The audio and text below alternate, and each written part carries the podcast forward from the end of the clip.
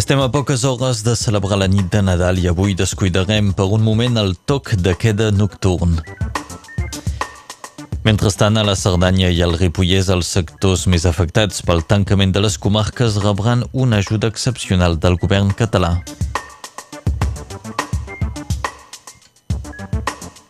A punt de començar la campanya de vaccinació contra la Covid-19 a l'estat francès, sentirem les explicacions del president de la Confederació de Sindicat de Metges en aquest informatiu. I Carles Puigdemont serà candidat per Barcelona a les eleccions al Parlament de Catalunya.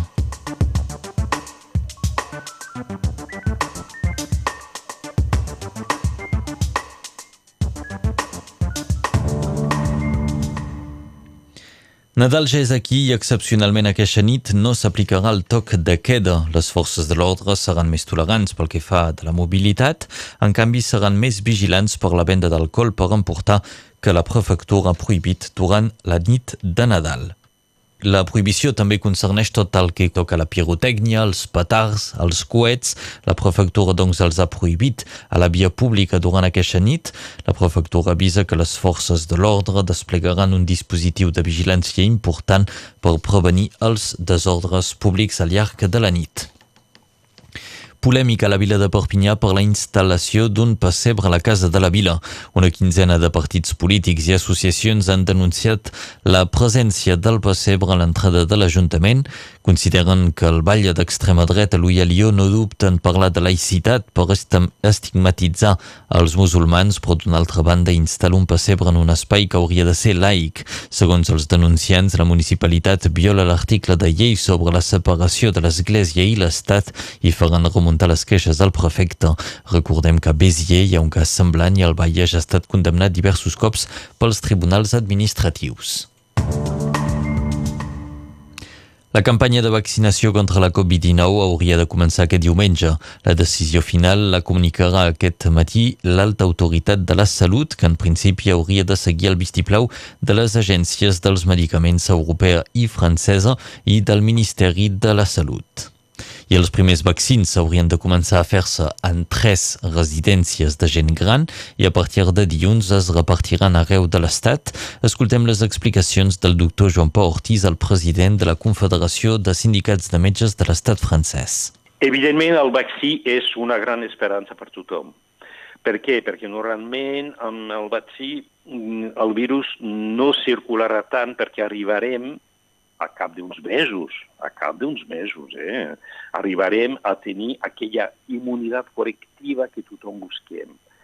Jo, de moment, en, en aquest moment, no tinc encara tot el, totes les dades científiques, les tindrem dintre de molt pocs dies, molt pocs dies. Els, les primeres que tenim són molt positives, amb una eficacitat molt bona, molt pocs eh, inconvenients, de moment començarem per la gent que són en residències, eh, les EPAD, començarem inclòs aquí a, a Catalunya Nord, perquè volem protegir els ancians que són els que fan els casos més greus. Després vacunarem els de més de 85, els de més de 75, els de més de 65, etc.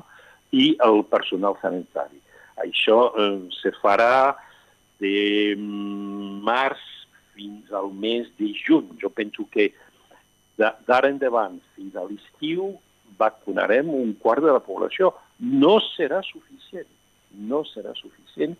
És un, és un marató que estem portant tothom. Eren les explicacions del doctor Joan Pau Ortiz, el president de la Confederació de Sindicats de Metges de l'estat francès. Indignació a la Cerdanya i al Ripollès pel tancament perimetral de les dues comarques. Des de dimarts a la mitjanit s'ha restringit la mobilitat i s'han tancat establiments. Elegits comerciants i professionals del turisme es mobilitzen per alertar de l'impacte que poden tenir aquestes mesures sobre el sector i demanen compensacions. Ahir una cinquantena d'empresaris es van reunir a Camprodon per reclamar un pla de rescat immediat. El govern de la Generalitat ha anunciat un pla d'ajudes d'un total de 4,3 milions d'euros que hauria de ser aprovat la setmana vinent. I el sector de l'esquí és un d'aquests sectors damnificats pel confinament perimetral. A la diferència de l'estat francès i d'Andorra, les estacions d'esquí alpí de Catalunya Sud sí que van poder començar a funcionar de nou. Això va ser a partir del dilluns 14 de desembre, però amb molt poca afluència a les pistes. Les estacions han de respectar el protocol sanitari i davant de les perspectives han decidit contractar menys personal. Escoltem en Xavier Perpinyà, és el director de l'estació de la Molina, nos explica la situació? Bueno, ha començat bé, a poc a poc i bé. És a dir, una mica a nivell global el que vam fer les estacions catalanes, ens vam ficar d'acord per obrir totes al mateix dia, en la qual va ser el dilluns dia 14, i vam obrir totes al mateix temps, amb un aforament limitat i amb una venda online i amb moltes mesures perquè la gent pues, pugui, pugui esquiar. Realment no estem tinguent molta gent, perquè tampoc no és el que busquem, és a dir, nosaltres, eh, la Molina és una estació de ferrocarrils de la Generalitat, en la qual és una estació pública que sempre incentivem a que pugui donar pues, economia a nivell local, és a dir, que els bars, els hotels, els restaurants puguin, puguin, puguin funcionar. I de, i de públic francès no, no, no n'estem no, no n'estem tinguent, perquè al final hi ha, hi, ha una, hi ha una limitació a nivell, a nivell territorial, però com saps, la Cerdanya és una comarca en la qual, eh, i t'ho parlo per, per experiències pròpies d'aquí l'empresa, en la qual hi ha gent que treballa aquí amb nosaltres que viu a la, a la Cerdanya francesa i també hi ha gent que treballa a la Cerdanya francesa però que viu a la Cerdanya catalana. Vull dir que sempre hi ha una mica d'interrelació. Eren les paraules de Xavier Perpinyà, el director de l'estació de la Molina. Nos explicava la situació. Recordem que el tancament perimetral de la Cerdanya i el Ripollès va començar dimecres i ha de durar fins al dia 6 de gener. La vila dels Banys d'Arles no serà condemnada per l'accident que va provocar la mort de dos obrers a les gorges del Mundony l'any 2014. Les dues víctimes treballaven a la instal·lació d'una via ferrata quan van caure d'uns 100 metres. Una informació judicial va ser oberta contra la municipalitat i contra l'empresa responsable de les obres. La vila dels Banys d'Arles ha estat disculpada. En canvi, l'empresa Tecfan ha estat posada en examen per no haver estudiat bé el terreny abans de fer les obres. Carles Puigdemont ha anunciat que serà candidat per Junts per Catalunya a les eleccions del Parlament del 14 de febrer. Puigdemont encapçalarà la llista per Barcelona amb l'objectiu de fer que Laura Borràs esdevingui la primera presidenta de la Generalitat de Catalunya. La candidatura de Puigdemont ha estat aprovada, ha de ser aprovada, perdó, per l'executiu de Junts per Catalunya i també per la militància. I el Comitè de Solidaritat Català organitza avui a les 6 i mitja la 66a Hora Solidària.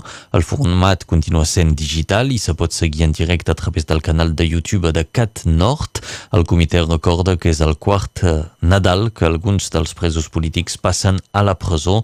L'invitat de l'Hora Solidària d'avui serà el ball de Pesia de la Ribera, Jean-Paul Bies.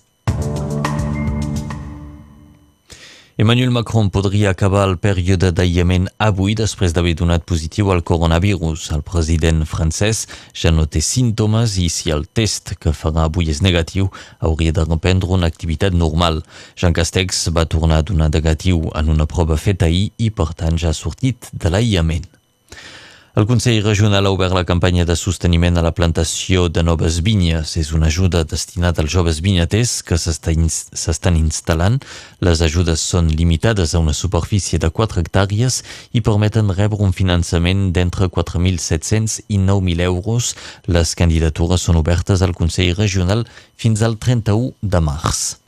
I als Estats Units, Donald Trump ha rebutjat el pla de rellança de 900 miliards de dòlars que el Congrés va adoptar després de mesos de blocatge. L'encara president dels Estats Units demana al Congrés que augmenti el valor de les ajudes per a les famílies perjudicades per la crisi. Mentrestant, el pla de rellança queda bloquejat a l'espera de la signatura del president.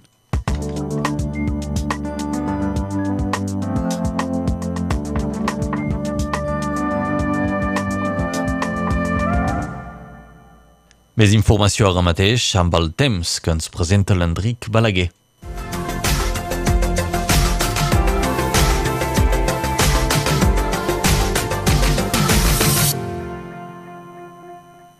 Un front fred ve d'Islàndia. Arriba a casa nostra amb l'ajuda d'una forta tramuntana que es reforçarà durant el dia per arribar a velocitats cap als 75 km per hora i fins i tot 80 al cap de Biara. El cel és cobert a cotes baixes tenim possibles clarianes cap a les muntanyes. Quan vindrà la nit, nevarà a Cerdanya, Capcí i a l'Alba i Espí per sobre de 900 metres. La baixada de temperatura prevista comença a se sentir avui. 2 a Puigbalador, 6 a la Guingueta, 9 a Oleta, 5 a Codalet, 9 a Boleternera, 11 a Tuí, Palau del Vidre i Port Vendres, 12 a Perpinyà, 6 als Banys, al Vallespí, 5 a Serrallonga, 11 a Vingrau i 10 a l'Ansac. Per demà, dia de Nadal i per Sant Esteve, el mercuri baixa encara dos dies seguits. A Cerdanya i Capcí, els valors seran negatius tot el dia fins a menys 7 a Puigbalador. El límit pluja-neu podria baixar als 400 metres. A cotes baixes, com el Rosselló, amb prou feina, el termòmetre pujarà als 6 graus, amb una sensació de molt més fred degut a la tramuntana. Fa 10 anys que no vam tenir un Nadal tan fred al Rosselló, 3,9 graus a l'any 2010, també el 1970, 1940 i 1938, que són els més freds mai registrats. Doncs quedeu-vos a la vora del foc per Nadal, cadascú al seu hostal.